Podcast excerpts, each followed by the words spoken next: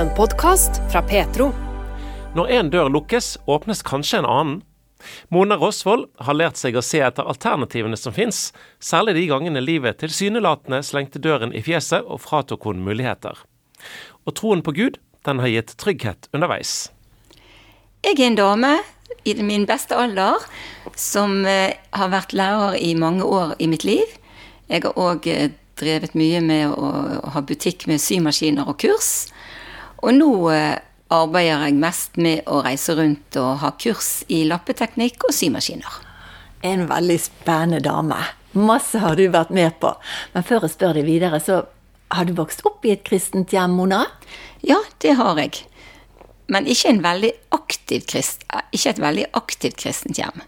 Eh, men et hjem der vi lærte å be aftenbønnen hver kveld, og ba bordbønn, og så gikk vi på søndagsskolen.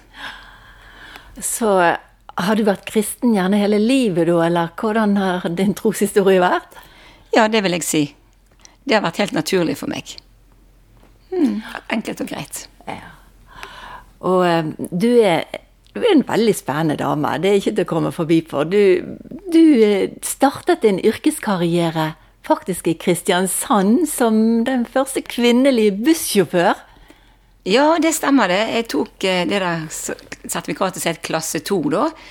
Fordi at eh, jeg var 20 år og måtte tenke på hvordan jeg skulle eh, ha penger til å leve. For jeg vokste opp i et hjem der min far døde tidlig, så jeg hadde ikke noe økonomisk støtte hjemmefra. Og da så jeg en del som gutter som kjørte buss. Og sjøl så hadde jeg en tvillingbror som da var reist til Trondheim. Og jeg hørte rykter om at han holdt på å ta bussertifikat, og da tenkte jeg at eh, det kunne jo jeg òg gjøre. For vi, jeg og min bror, vi hadde alltid gått litt sånn side om side opp igjennom. Og lekt med biler og, og sånne ting. Så da eh, tok jeg sertifikat. Det gøye var jo det at eh, jeg fikk ikke jobb i disse busselskapene som alle andre fikk jobb i. De trengte ikke flere bussjåfører da, men dagen etter trengte de flere menn. Så jeg fikk jo ikke pga. at jeg var kvinne. Men så var det ett selskap som ingen andre fikk jobb i. Så da gikk jeg til de, da, det var Bybussen i Kristiansand, og spurte om de hadde jobb. Og han, sjefen der han syntes det var kjempegøy at det kom en kvinne. For han hadde jo hørt at det var kvinnelige bussjåfører i Bergen akkurat da. Så da fikk jeg deltidsjobb der, så jeg kunne jobbe i helger og litt kvelder i uken. Og tjene til å ja, både bo og betale mat, og jeg sparte til bolig, sånn at når jeg seinere skulle etablere meg i livet, så hadde jeg oppspart fullt på bosparekonto til å kunne få låne til hus. Mona utdannet seg etterpå som lærer, men det var ikke lett å få lærerjobb i Bergen på 80-tallet. Så Mona hun fortsatte hun å kjøre buss et år til i Bergen. Og da fikk jeg tid til å tenke litt videre, og begynte å tenke at jeg kanskje kunne bli lærer et annet sted der de trengte meg litt mer. Siden ikke de trengte meg her i Norge. Ja, og da ble det et spennende liv videre for deg? Ja, da fikk jeg lærerjobb eh, i Kamerun i Afrika. Og eh, dro dit eh, og var der i tre år. For det var det som var periodene.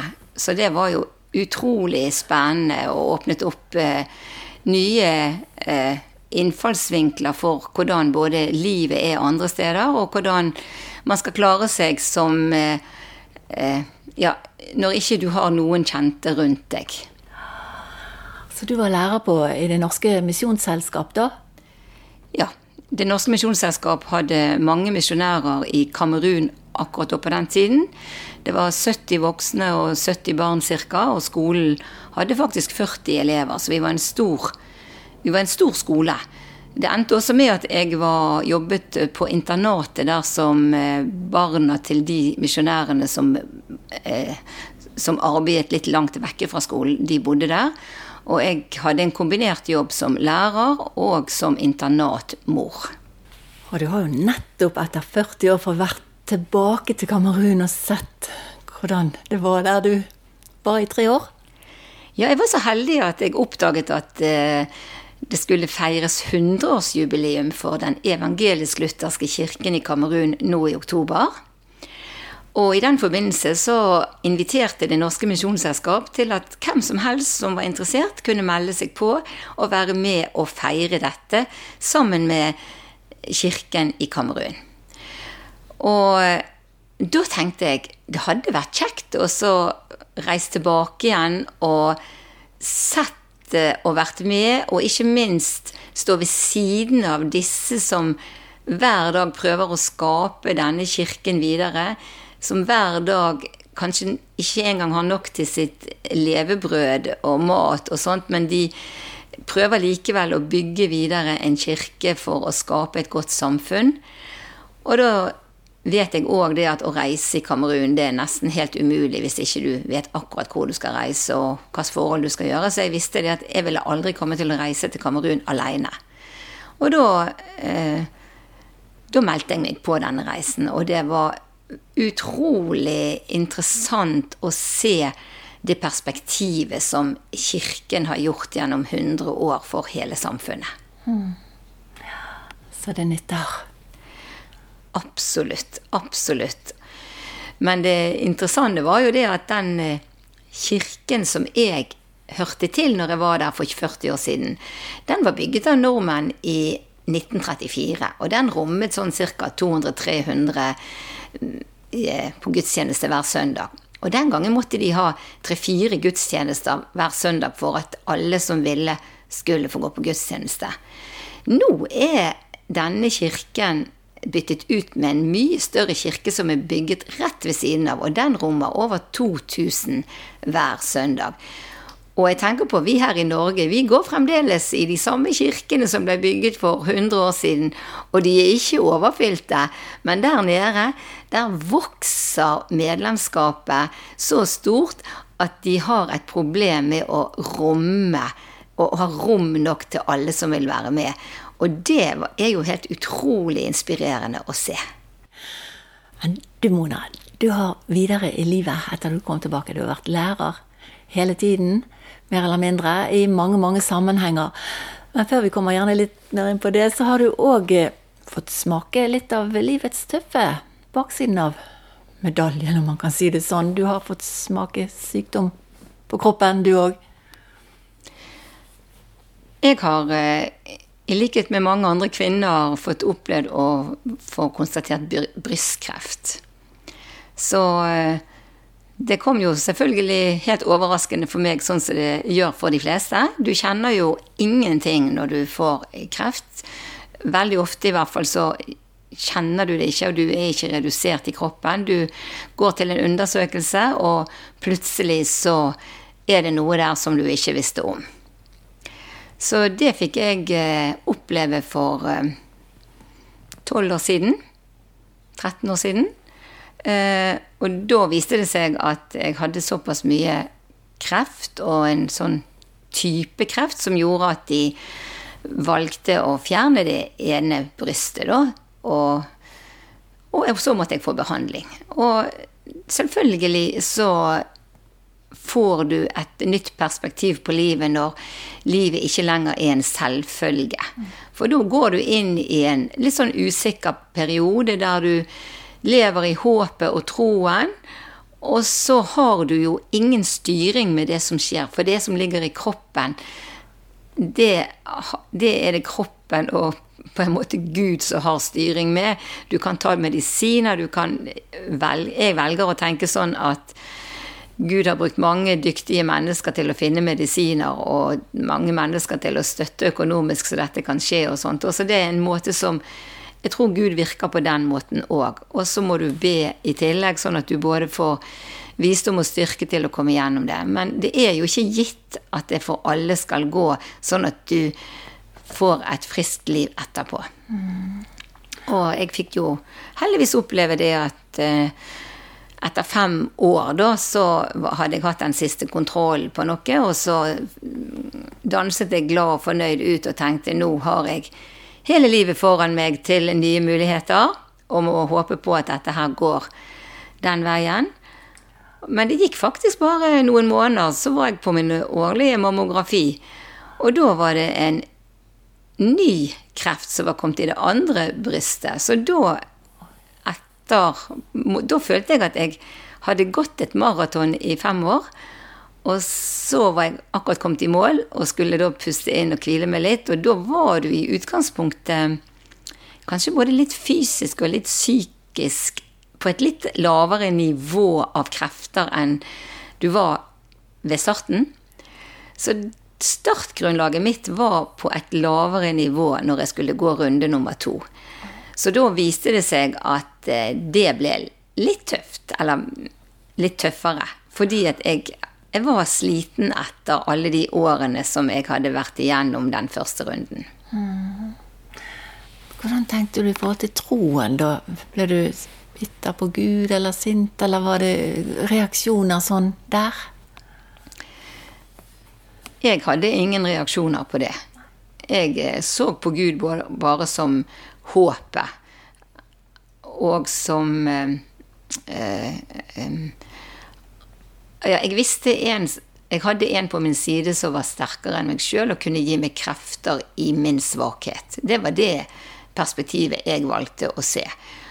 Og det vil jo ikke si at alle dager var kjempegode, og at jeg hadde et supert liv. Men eh, det var den tryggheten over å vite at du var et sted der noen hadde omsorg for deg. Og så hadde jo en familie som hadde omsorg for meg, og venner som hadde omsorg for meg òg. Sånn at totalt sett så valgte jeg vel igjen å eh, tenke positivt. Men jeg har jo virkelig fått oppleve hvordan det er å ikke bare gå på den strake, glatte vei. Jeg har opplevd da hvordan det er å leve et liv der du føler du hva skal jeg si, hopper på steiner i en elv, og så må du bare prøve å, å, treffe neste stein og hoppe på, sånn at ikke du synker ned i elven, eller sånn at, at, du på en måte finner de fotfestene som du kan finne for å komme over til den andre siden på en grei måte. Mm. Så jeg føler at kanskje disse årene har vært uh, utfordrende på mange måter. De har lært meg noe. De har lært at uh, fordi om du er kristen, så har ikke du et liv som er sånn smertefritt og problemfritt og sånt, men du har noen som går sammen med deg og gir deg styrke. Og så vet jeg jo òg at syingen din da har gitt deg veldig stor mening i hverdagen, i tillegg til Gud og til alle de som står deg nærmt, at det òg har vært en veldig god terapi for deg? Ja, når du ikke har krefter til så veldig mye at du kan stå eh, i klasserommet og gi noe hver dag, og at du har mer enn nok med å klare å faktisk orke å lage deg mat og orke å stå opp av sengen. Målet var jo at jeg hver dag skulle klare å tilbringe litt tid med klærne på, for å si det sånn, og gjerne komme deg ut litt og sånt. Og det var ikke det å være i jobb, det var ikke det som var målet. Målet var å, å leve. Så når eh, Etter lang tid så begynte nå jeg å kjenne at jeg fikk litt overskudd òg, og da hadde jeg en hobby som eh, med stoff og fargefine stoffer som jeg tenkte da får jeg eh, prøve å gjøre litt der og sy litt til barnebarna mine. Det var vel det som var motivasjonen, for nå hadde jo jeg ikke mistet livet, så nå kunne jo jeg sy noe som gjorde at de ville jo kunne ha et minne fra meg hvis eh, dette ikke gikk så bra, da. Mm. Så det var en veldig motivasjon å kunne sy tepper til barnebarna, sånn at de kunne ha et minne fra mormoren sin, da. Så jeg har nå fått sydd tepper til alle sammen, og jeg har òg eh, blitt mye, mye friskere etter dette etter hvert. Og så dette har jo gått Jeg har nå fått uh, litt bonusliv, jeg, da. For jeg har jo ikke bare fått et liv, jeg har jo fått et liv der jeg òg har krefter til å gjøre noe. Mm. Og det får du jo virkelig være med på. Du holder kurs, forstår jeg, rundt om i Norge. Du er leder for eh, symaskinbroderi, et eller annet så jeg ikke kan eh, huske helt navnet på. Du står på overalt. Ja, nå eh, har jeg byttet ut kateteret i et klasserom med at jeg tenkte at hvem er du nå, Mona, når ikke du kan være den du en gang var, som du trodde du skulle være, frem til du var pensjonist? Så da eh, fant jeg ut at hva kan jeg, og hva eh, vet jeg eller tror jeg at noen kan ha glede av av det som jeg kan. Eh, og jeg hadde jo tenkt den tanken litt, at jeg kunne da, hvis vi kan kalle det for markedsføre meg litt. Men jeg har i grunnen ikke hatt så veldig behov for å markedsføre så veldig mye. Jeg har nå lagt ut på Facebook og sånn, og da har nå egentlig forespørsler og etterspørsler kommet av seg sjøl, da. Sånn at jeg har egentlig fått eh, mer enn nok uten å måtte jobbe så veldig mye med å kaste ut et snøre. Eh, men selvfølgelig bare ved at du legger ut et bilde, du gjør deg litt kjent, og noen kjenner en som kjenner en som kan fortelle at, eh, at de kjenner meg og har opplevd hva jeg har kompetanse på, så har det åpnet opp øynene for at noen har spurt. Så nå, eh, nå trenger jeg ikke kjede meg en eneste dag. Nå må jeg heller sette begrensninger på at jeg må sjøl finne ut at jeg har tid til både privatliv og litt lærerliv. Og da jobber jeg vel litt både med det som går på lappeteknikk, det som går på opplæring på symaskiner. Men jeg har jo òg faktisk reist litt og holdt litt eh, inspirasjonsforedrag på andre typer kvinnesamlinger eh, som går på det ja, som kvinner har ulike steder på leirsteder og sånne ting. Så jeg har det veldig kjekt. Du elsker jo å, å få mennesker å formidle videre sygleden. Gleden ikke bare når det gjelder syarbeid, men òg i det hele tatt som lærer. Så elsker du å få frem få mennesker til å blomstre. Se den enkelte. Det var veldig kjekt at du eh, nevnte, for det er akkurat det som jeg vil skal være Eller jeg, jeg er bevisst på at jeg er ikke bare en lærer som kommer og som skal fortelle om hva stoff vi skal velge, og hvordan den teknikken skal sies. Jeg er veldig opptatt av at eh, i klasserommet der vi møtes, der skal det være en trivselsstemning, der skal det være et godt sted å være, og der skal det være en opplevelse for de som kommer på det kurset utover det faglige. Det skal, og det har vi som lærere fra klasserommet i skolen. Noen tror jo det at vi bare lærer barne, barna pluss og minus og brøk og sånne ting. Men vi er jo med på å skape et hjem for de i skolen. Vi skal være med å trøste når de trenger trøst, og vi skal være med å oppmuntre når de syns noe er vanskelig. Da skal vi prøve å legge eh, undervisningen ned på et, det nivået som passer for den enkelte. Eh, sånn at de klarer å gripe informasjonen og klatre videre. Og jeg, dette ligger jo helt i bunnen hos meg når jeg eh, har kurs. Jeg er opptatt av å se den enkelte, fortelle den enkelte mm, hvor flink de er til det de gjør, og eh, gi dem en klapp på skulderen, gi dem mange smil, gi dem eh, senkede skuldre, og gi dem kjærlighet. Og det ligger i bunn i tillegg til den faglige eh, ja, det faglige som jeg ønsker å gi. Og jeg føler at jeg lykkes med det. Jeg føler at folk setter pris på å møte meg som også menneske, Mona. Er det noe sånn, noen bibelvers sånn som går igjen i, i deg, inni hodet ditt eller i hjertet ditt, eller? ja, jeg eh, tenker at dette her at se markene er hvite, og løft blikket og se. Jeg føler ofte at vi er litt mismodige om at vi er ikke så veldig mange nå som vi pleide å være og sånt.